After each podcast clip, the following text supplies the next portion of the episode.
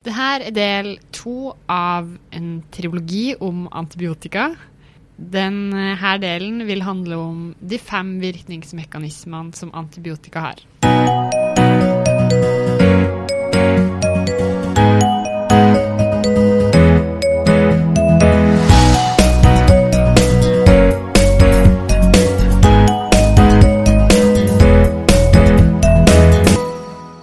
Videre til antibiotika da, og dens virkningsmekanismer. For hvordan virker egentlig antibiotika? Ja, og det er jo mange mekanismer, så nå får vi eh, ta det litt, eh, litt mye å snakke om. Men poenget er å finne angrepspunkt på bakterien, eh, og helst angrepspunkt som da ikke fins i menneskecellene, eh, som gjør at eh, de på en eller annen måte tar knekken på bakterien. Og det er jo flere, og vi, og vi har egentlig sånne hovedgrupper. Vi har celleveggen, vi har cellemembran, noen som går på proteinsyntese, noe som går på fullsyresyntesen. og så noen som går direkte på DNA eller RNA.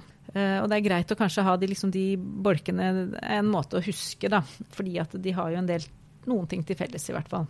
Ja, det er jo greit å ha en sånn overordna oversikt først, men vi kan gå litt eh, inn på hver enkelt. Vil du si noe om de som hemmer celleveggsyntesen først? Ja, Celleveggen er jo da bygget opp av peptidoglykan eh, med kryssbindinger. Og så eh, er det da, og kanskje den største gruppen vi har, er det vi kaller betalaktamer. Og angrepspunktet der er rett og slett disse penicillinbindende proteinene.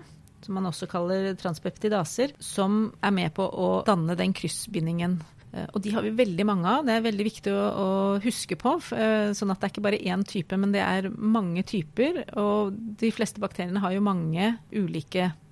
Og det betalaktamene gjør, er at de rett og slett hemmer virkningen, sånn at det ikke blir kryssbinding. Og da blir det et høyt osmotisk trykk, og så sprekker bakterien til slutt. For den klarer ikke å holde cellen, fordi det er, den helt avhengig av den kryssbindingen for å ha en, en en stødig cellevegg. da. Ja, OK. Så disse virker kanskje best på gram-positive bakterier, siden det er de som har tykkest cellevegg? Ja, det skulle man kanskje tro, og det er også, tror jeg, en, mange som tror, men er en misforståelse. Fordi at de gram-negative også trenger denne celleveggen. Sånn at eh, det har ingenting egentlig med det å gjøre. Det som er viktig å huske, altså den, disse betalaktamene består av en betalaktamring som har en sidekjede, en sånn modifisert, og det, og det er der de ulike betalaktamene at de har endret på, sånn at de har ulik spesifisitet. Sånn at noen er nok mer smale, øh, skal gå gjennom det straks, øh, men veldig mange har både god gram-positiv og gram-negativ virkning. Og det er viktig å ha som sånn øh, første, så det er kanskje penicillingruppen som er der man tenker mest gram-positivt. Men ellers så er jo nettopp de andre utviklet med tanke på gram-negative. Så jeg tenkte jeg kunne egentlig bare gå gjennom disse hovedgruppene for dere. Gjerne det. Ja, og da har vi penicilliner. Og det er vi jo glad i i Norge, og vi vil bruke de så mye som mulig. Og vi har den vanlige i anførselstegn eh, penicillin, som vi når den er peroral kaller vi den fenoxymetylpenicillin, og når den er intravenøs så er det bensylpenicillin. Så hvis dere lurer på, for at de går litt om hverandre, men det er da rett og slett at den er peroral eller intravenøs. Og den er veldig smalspektet og har hovedsakelig da en grampositiv virkning, men f.eks. meningokokker, da. Så det er noen sånne grampositive som fakt nei, negative som fortsatt virker. Um, og så har vi stabil, altså de har på en måte forsterket beta-laktamringen. Fordi f.eks. stafylokokkene har jo, vi skal snakke litt om beta-laktamase, men de, nesten alle har jo da en sånn beta-laktamase som lett klipper av den ringen, sånn at denne vanlige uh, penicillinen ikke funker. Som vi kaller beta-laktamase stabile penicilliner. Så den er liksom like smalvektret, men da fungerer også godt mot stafylokokker, for det er det få stafylokokker som penicilliner virker for. Um, og da er det vanligste er den kloksacillin, som vi stort sett gir intravenøs, og dikloksacillin diklosil, som, som er peroralt. Men i tillegg til i penicillingruppen så har vi jo en sånn spesialpenicillin egentlig for urinveisinfeksjoner, den pivmesilnam, og den har, har størst gram-negativ virkning, så den er veldig fin fordi at den da ikke tar knekken på så mye annet. Og så har vi de bredspektrede, hvor ampicillin, som er den intravenøse, og amoxicillin når det gis eh, peroralt. Og det var jo med tanke på, på gram-negative, som f.eks. E. coli. Og tidligere var jo veldig mange E. coli følsomme. Nå har jo den resistensen gått veldig opp, men det er fortsatt et utmerket middel etter man har fått resistensbestemmelse og, og hører at den er faktisk følsom. Så det er penicillingruppen. Er det noen andre grupper som virker på celleveggen? Ja, det er det.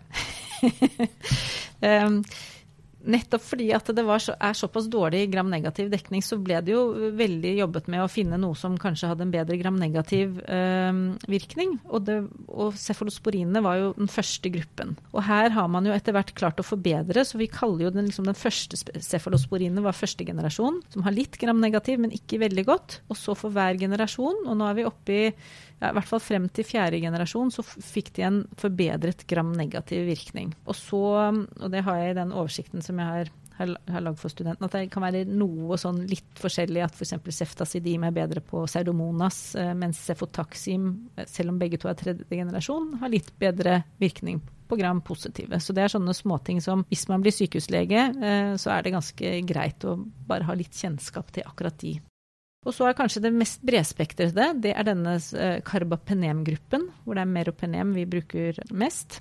Den har veldig god virkning for veldig mange, både på gram negativ og gram positiv, også anarop. Så, mm, men det er klart, da så slår man jo bort ganske mye normalflora. Så, så det skal benyttes på de dårligste, men, men ikke løssluppent. Mm. Og så har jeg bare lyst til å nevne et par til, da, fordi det ene er noe som heter monobaktamer, som ikke vi bruker så mye, men det er astronam som jeg vet at Kristian uh, Tonby, som leder antibiotikateamet her på OS, er veldig for at vi skal begynne å bruke mer, for den har ren gram negativ virkning. Sånn at man kanskje kan bruke den litt mer.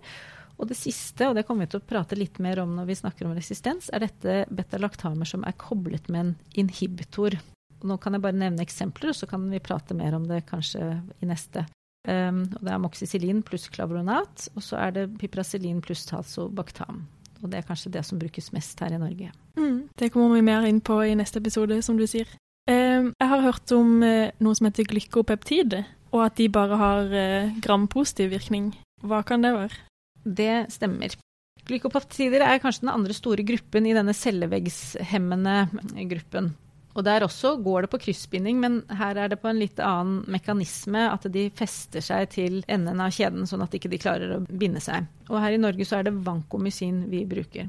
Og det er et sykehusmiddel, og brukes en del særlig i intensiv setting, og også i protesekirurgi, nettopp for å kunne dekke f.eks. For, for disse hvite staflokokkene, som dekker stålige andre ting. Det er et veldig stort molekyl, og det er så stort at det ikke trenger gjennom yttermembranen. Så det er en veldig grei huskeregel, fordi da vet man ok, har jeg noe gram negativ, så er det ikke noe vits å spørre om vankomycin.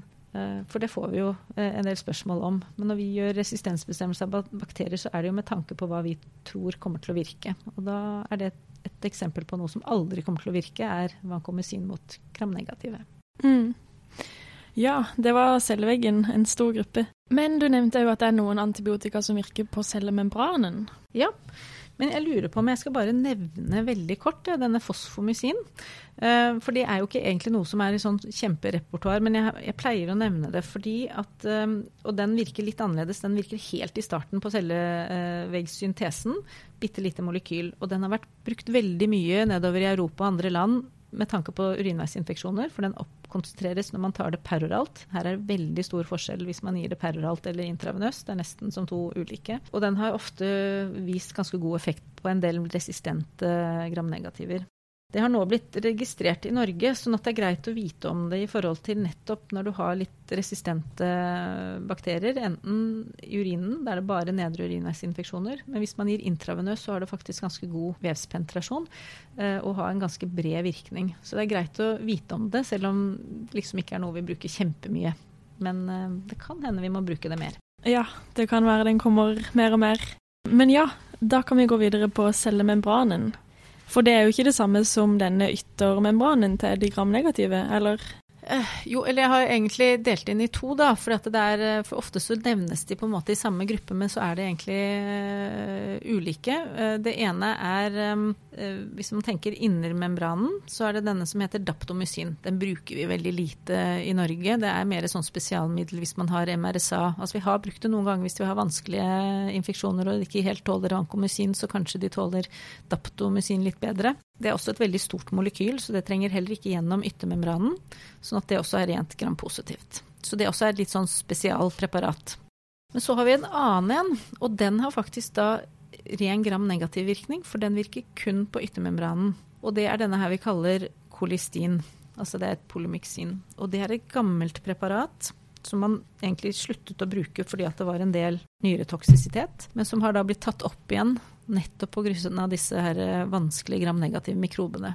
Og faktisk først egentlig i, i behandling av cystisk fibrose, hvor de bruker det som inhalasjon mot pseudomonas. Men i mange land nå, så er i noen land er det til og med en del av første eh, altså empirisk behandling av mistenkt gramnegativ sepsis, fordi at det er liksom siste skanse Sånn at uh, det er et spesialpreparat, men det er viktig å vite om.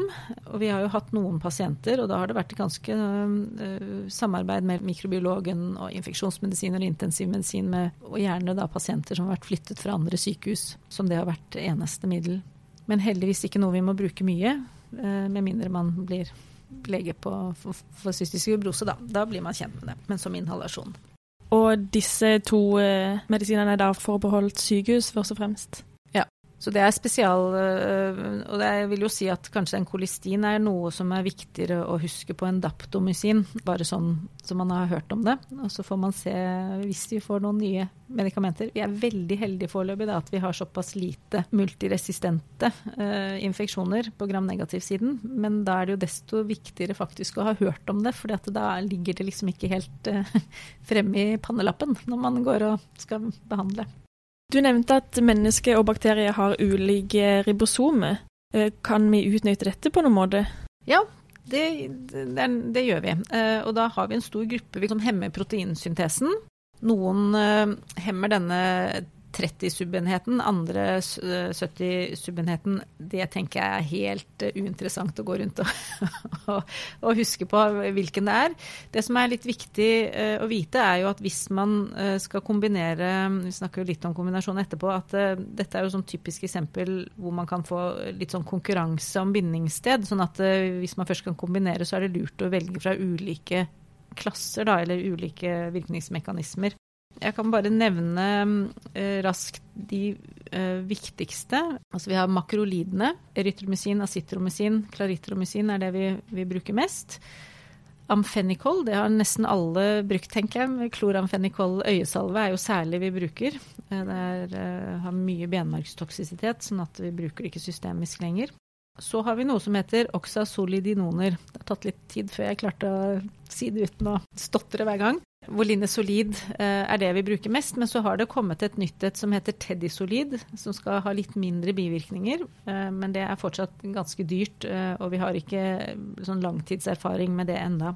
Men dette er jo liksom et av de nyeste antibiotikaene vi har, som kom i 2002. Det var helsyntetisk, så man trodde jo at denne skulle liksom unnslippe resistens, men det, det har de ikke gjort, det heller. Både makrolider og oxasolidinoner det er stort sett gram-positiv virkning. Så har vi også en stor gruppe tetrasykliner. Og det brukes det jo et Jeg tror det kommer som nummer to jeg, etter penicilliner i allmennpraksis.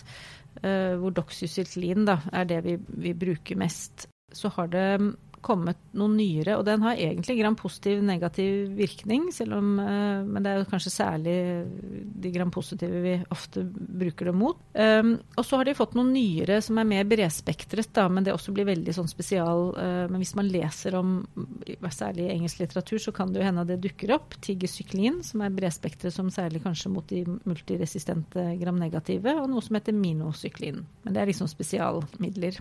Og så har vi denne store gruppen aminoglykosider, som er litt sånn hjørnestein i sepsisbehandling her i Norge. Og gentamycin er det vi bruker aller mest, og tobramycin, som har, er liksom litt mer spesialdesignet mot seromonas. Men jeg har jo lyst til å nevne streptomycin også, da, for det var jo liksom det første tuberkulosemiddelet vi fikk i 1946. Eh, og det inngår fortsatt da som, som, en del av Men da er det disse veldig resistente tuberkulosene. Fordi at du har en del eh, bivirkninger, særlig hvis du bruker det langtids. En kort kur gir sjelden veldig. Så det er liksom hovedgruppen eh, som hemmer proteinsyntesen. Ja, du nevnte at uh, den fjerde mekanismen som vi ofte angriper, er folatsyntesen, fordi uh, bakterier er avhengige av å danne folat. Ja, eh, og da har de noen enzymer som er med der, og så er det de enzymene som da angripes av Og det første, er, og det er faktisk det første antibiotika eh, Alle tror det er penicillin, men det var jo sulfa. Da hadde det navnet Prontosil, så det var liksom forstadiet til sulfa. og det kom jo eh, i 1936 og var ganske utbredt. Men nå bruker vi jo sulfa sjelden alene, så det er, så det, men vi bruker det veldig ofte sammen med trimetoprim. Og trimetoprim er jo den andre eh, i den gruppen. Så hvis vi tar trimetoprim først, da, så er det særlig urinveispreparat, for det har ikke så mye øh, effekt øh, i vev. Og så, når du kombinerer trimetoprim og sulfa, så har det faktisk vist en veldig god virkning. Har bedre vevspenetrasjon, så den er jo en av de man kan bruke til øvre øh, urinveisinfeksjoner peroralt, og brukes til mye. Men man har litt, litt issues med, med bivirkninger og allergier på sulfasiden. Det er en teaser, så kommer vi tilbake til det. Eh, men det brukes mye. Det var fire virkningsmekanismer. Er det alle, eller har vi enda flere? Ja, da vi har rett til, vet du. Det er disse som går eh, rett på DNA og RNA. Hvis vi tar DNA-syntesen først, så har vi jo kanskje den største, eller eh, en av de viktigste gruppene, er disse kinoloner. Du kan også kalle det fluorokinoloner. Og de virker på en, den DNA-grasen, eller topoisomeraser, og det er de som coiler sammen og skal liksom pakke sammen DNA, sånn at man får plass, og ta dem ut igjen når man skal replikere. Og har, Der også har man flere generasjoner. fordi Den første generasjonen, som eh, det er nalidixin, den bruker vi stort sett ikke. Der er det så mye eh, resistens. Men andre generasjon, hvor ciprofloxacin f.eks. hører til, det er jo det vi desidert bruker mest eh, i Norge i denne gruppen. Det har best gram negativ virkning, og ikke så god gram positiv. Men så har man jo fått flere generasjoner her også. Eh, hvor det er litt bedre da gram-positiv virkning, og faktisk til og med litt anarob virkning i de, de, siste generasjonene. Men her også har det vært mye problem med toksisitet. Det kommer vi tilbake til. Og så har vi et rent anaropt middel, metronidazol. Det går også på DNA-syntesen. Også nitrofurantoin, som er et urinveismiddel. Rent urinveismiddel. Så alle disse går på DNA-syntesen. Og så har vi et som går på eh, RNA-syntesen, og det er rifampicin. Og det ønsker vi jo hovedsakelig brukt i tuberkulosebehandling, og det er jo det vi bruker det mest til. Men så har vi noen spesialområder.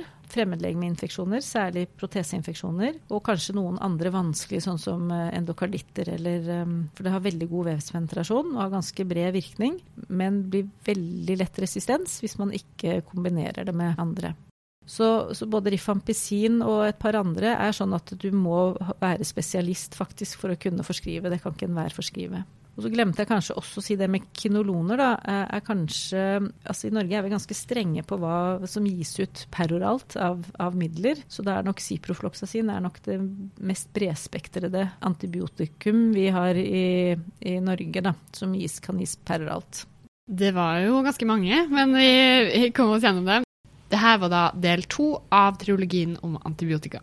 I neste episode snakker vi litt mer om egenskaper til antibiotika, dosering og bivirkninger.